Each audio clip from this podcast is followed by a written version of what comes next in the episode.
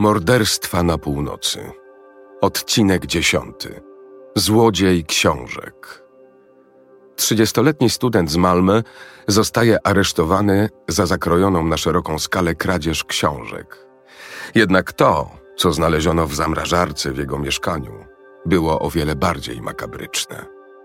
To jedna z tych spraw, które wstrząsnęły Szwecją i napędziły stracha każdemu, kto śledził nagłówki tamtejszych gazet. Zaczęło się od zaginięcia młodej kobiety w listopadzie 1979 roku. Matki małego chłopca, której rodzice tak bardzo się niepokoili, że wielokrotnie zwracali się o pomoc do policji w Malmę. Ta jednak przez wiele miesięcy zrobiła niewiele, a kobieta jakby zapadła się pod ziemię.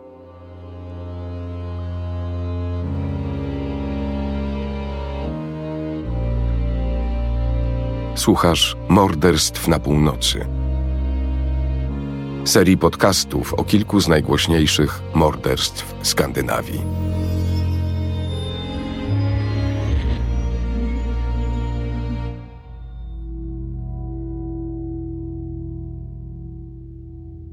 Wszystkie przypadki bazują na prawdziwych zdarzeniach, a zostały przeanalizowane przez Janę Agard i opowiedziane przez Paulinę Holz. Opisane tu wydarzenia powstały w oparciu o doniesienia medialne. Niektóre szczegóły pominięto.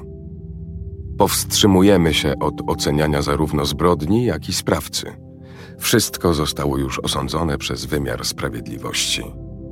Prosimy pamiętać, że niektóre z opisanych tu szczegółów mogą wywołać silne emocje, zwłaszcza dlatego, że mowa tu o życiu i śmierci autentycznych osób. W tym przypadku prawdziwe imię sprawcy nie zostało ujawnione. Nazywamy go tutaj Oskarem. Zakazem ujawnienia tożsamości objęto także dane kobiety. Nazwijmy ją Katariną.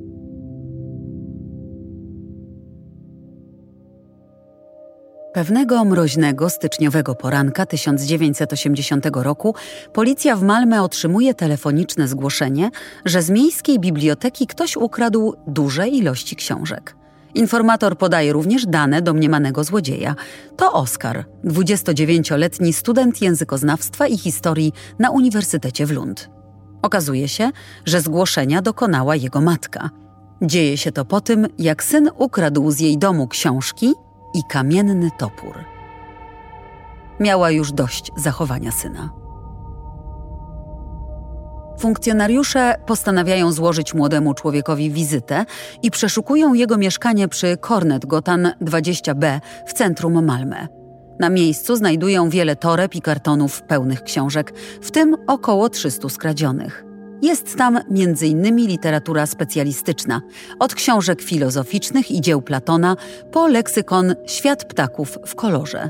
Oskar przyznaje się do kradzieży, a ponieważ ilość skradzionych rzeczy jest faktycznie pokaźna, od razu zostaje zatrzymany.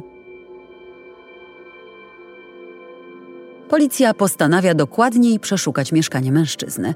Funkcjonariusze znajdują w lodówce i zamrażarce kilka porcji mięsa – ma ono lekko nieświeży, kwaśny zapach i jest zawinięte w skrawki prześcieradła. Sprawa wygląda podejrzanie. Aby to zbadać, policja pobiera próbki mięsa. Wkrótce Oskar zostaje zwolniony, ponieważ kradzież książek nie jest wystarczającym powodem do osadzenia go w areszcie.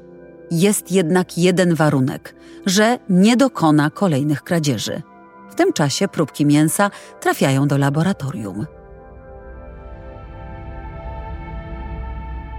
Inny wydział miejscowej policji prowadził akurat dochodzenie w sprawie zaginionej Katariny. 29-latka urodziła się i mieszkała w Malmę. Zaginęła kilka miesięcy temu. Jej rodzice są poważnie zaniepokojeni. U Kateryny zdiagnozowano schizofrenię i kluczową sprawą dla radzenia sobie z codziennością jest regularne przyjmowanie przez nią leków psychotropowych. Ostatni raz widziano ją w listopadzie 1979 roku, kiedy przyjechała do rodziców na kolację. Po trwających trzy dni próbach skontaktowania się z córką, rodzice zawiadamiają policję.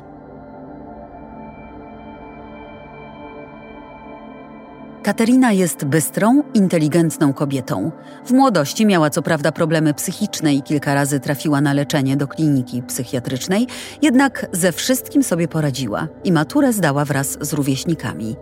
Po ukończeniu szkoły średniej miała jednak trudności z powrotem do zdrowia. Z powodu niezdolności do pracy otrzymała rentę. Jest dobroduszną i przyjazną osobą, interesującą się filozofią wschodu i hinduizmem do tego stopnia, że nosi indyjskie stroje. Niedługo po maturze Katarina poznała mężczyznę, który miał podobne zainteresowania. Postanowili wspólnie wyruszyć do Indii. Jednak w trakcie podróży daje o sobie znać choroba Katariny. Para musi przerwać wyprawę.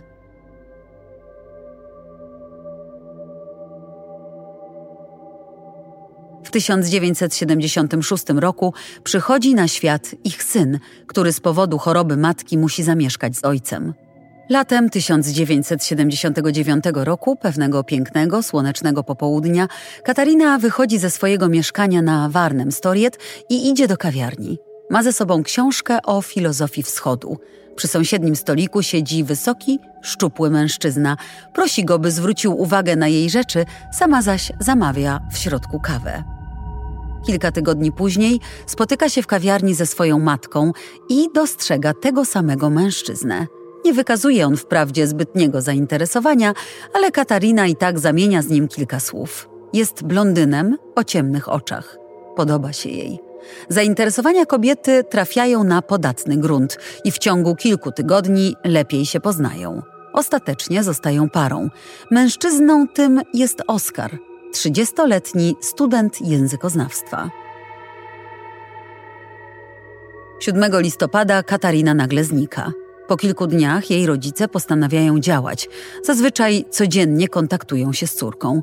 Jest matką małego chłopca, który za nią tęskni.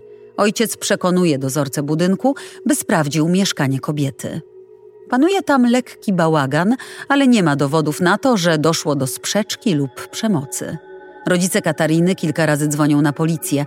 Ponownie udają się też do mieszkania córki. Chcą sprawdzić, czy nie zniknęły jej ubrania lub paszport. Na miejscu jednak nic nie wzbudziło ich podejrzeń. Kiedy idą tam po raz trzeci, okazuje się, że w drzwiach zmieniono zamek. Aby wejść do środka, muszą wezwać ślusarza. To, co widzą, jest dla nich zaskoczeniem. Mieszkanie zostało całkowicie opróżnione i wysprzątane. Spakowano też wszystkie rzeczy Katariny. Policja wznawia postępowanie w sprawie zaginionej 29-latki dopiero na początku stycznia 1980 roku. Ojciec kobiety idzie do jej mieszkania po raz czwarty, lecz tym razem towarzyszą mu policjanci. Z zewnątrz widzą, że w mieszkaniu pali się światło, ale gdy dzwonią do drzwi, ktoś je gasi. W końcu drzwi się otwierają. W salonie stoi młody mężczyzna. Odmawia podania swojego nazwiska. W tym czasie ojciec stwierdza brak telewizora i książek, w związku z czym mężczyzna zostaje zabrany na posterunek policji na przesłuchanie. Kiedy funkcjonariusze przeszukują młodego człowieka, znajdują przy nim wiele ciekawych przedmiotów. Kwity potwierdzające odbiór renty dziewczyny, jej paszport i klucze do mieszkania. Mężczyzna twierdzi, że Katarina jest w jego domu, a on obiecał jej, że wpadnie na chwilę podlać rośliny w jej mieszkaniu. W rzeczywistości w dwóch różnych wydziałach toczą się dwa zupełnie odrębne śledztwa. Jedno dotyczy przestępstw przeciwko mieniu w Wydziale Kradzieży, drugie z kolei prowadzone jest w Wydziale do Spraw Ciężkich Przestępstw i dotyczy zaginięcia.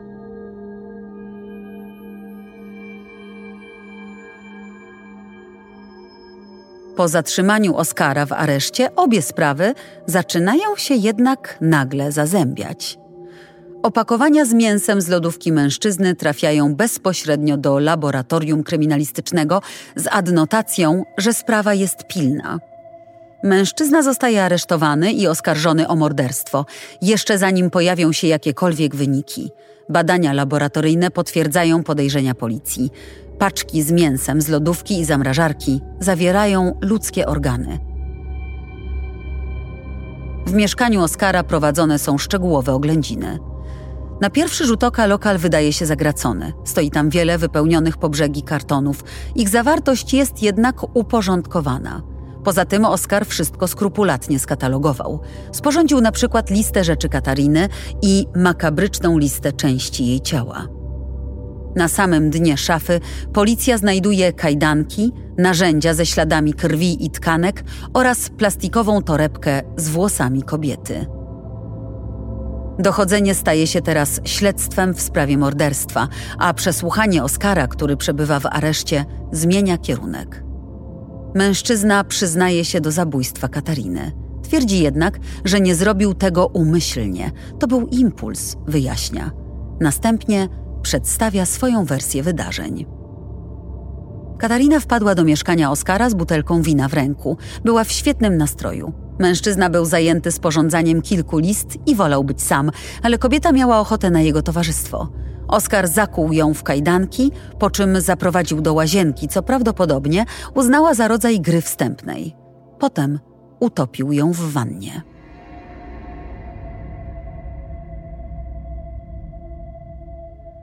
Po wszystkim zdał sobie sprawę, że nie uda mu się znieść niepostrzeżenie zwłok Katariny z czwartego piętra.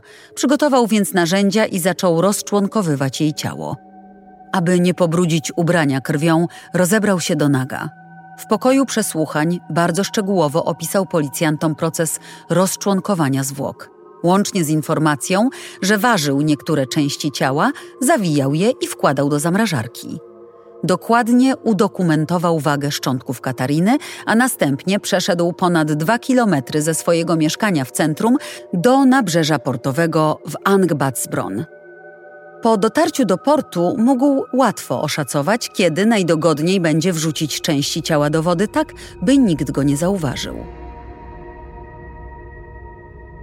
Policja w Malmę natychmiast wysyła nurków na poszukiwania fragmentów zwłok. Zostają one znalezione w miejscu dokładnie opisanym przez mężczyznę.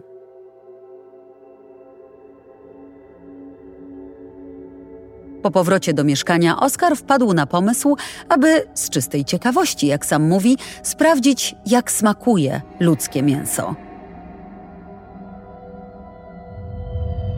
Odkrawał je po kawałku, smażył na patelni i degustował z ziemniakami, ryżem lub makaronem. W sumie przygotował 10 posiłków. Policji opowiedział, że mięso było smaczne, ale trochę żylaste.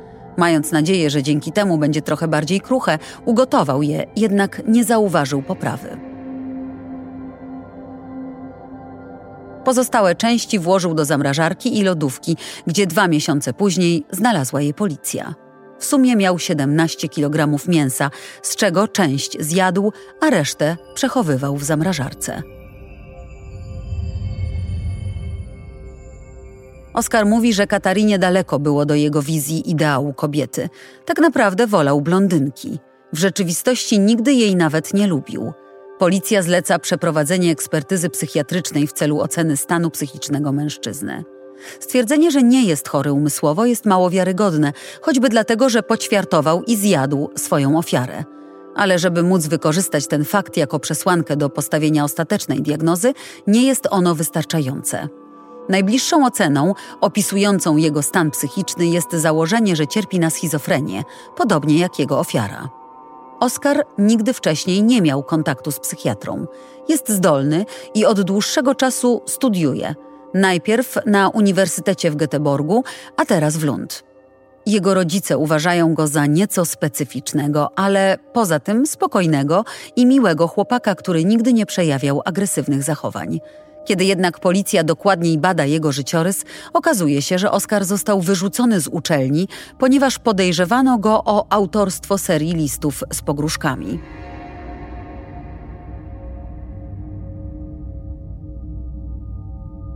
Nie miał wielu dziewczyn. Obcowanie z nimi zawsze było dla niego wyzwaniem. Mieszkając przez pewien czas w akademiku w Malmę, próbował, dość nieudolnie, zbliżyć się do młodych współlokatorek. Pewnej nocy wszedł nawet do jednego z pokojów, usiadł na brzegu łóżka i obserwował śpiącą koleżankę. Zrobił jej nawet zdjęcie. Później stanowiło to tylko zabawną anegdotę z życia akademika, nic więcej. Większość postrzegała go jako nieszkodliwego, choć trochę dziwnego osobnika, który ma problemy z nawiązywaniem relacji międzyludzkich. Prokuratura potrzebuje tylko czterech miesięcy na zebranie całego materiału dowodowego. W czerwcu, zaledwie rok po tym, jak Oskar poznał Katarinę, rusza proces mężczyzny oskarżonego o morderstwo, zbezczeszczenie zwłok i kradzież książek. Warunkiem skazania na karę pozbawienia wolności jest poczytalność oraz świadomość sprawcy, że popełnił zbrodnię. Podczas procesu mężczyzna przebywa w zamkniętym zakładzie psychiatrycznym. W obliczu przyznania się do winy i licznych dowodów z mieszkania Katariny oraz z zamrażarki Oskara, obrońca niewiele już może zdziałać. 30-letni Oskar zostaje skazany na zamknięty nadzór psychiatryczny. Jest to kara na czas nieokreślony w zakładzie typu zamkniętego, z którego może wyjść tylko na podstawie zaświadczenia lekarskiego. Zwolnienie jest możliwe, jeśli zostanie uznany za osobę stabilną i niegroźną, zarówno dla innych, jak i dla siebie.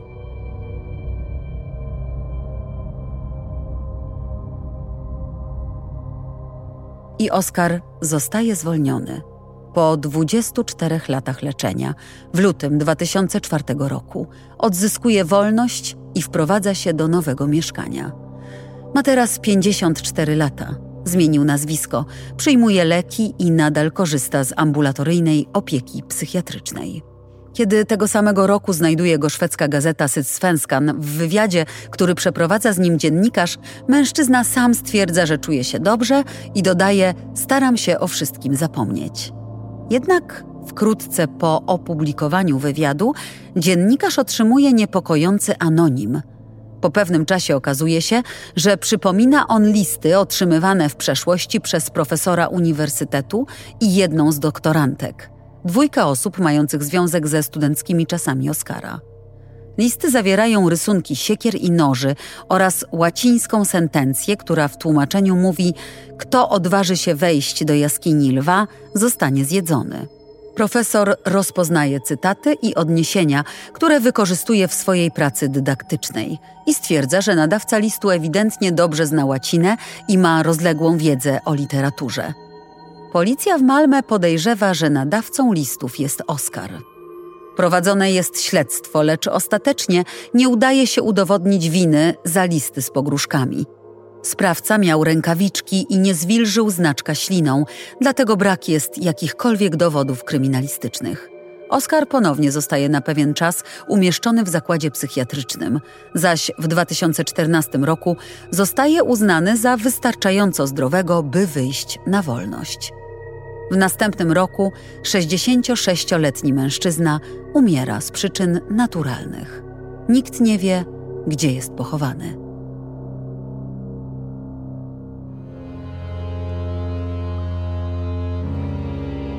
Wersja polska, tłumaczenie i realizacja nagrań Roboto Sound. Czytała Paulina Holz.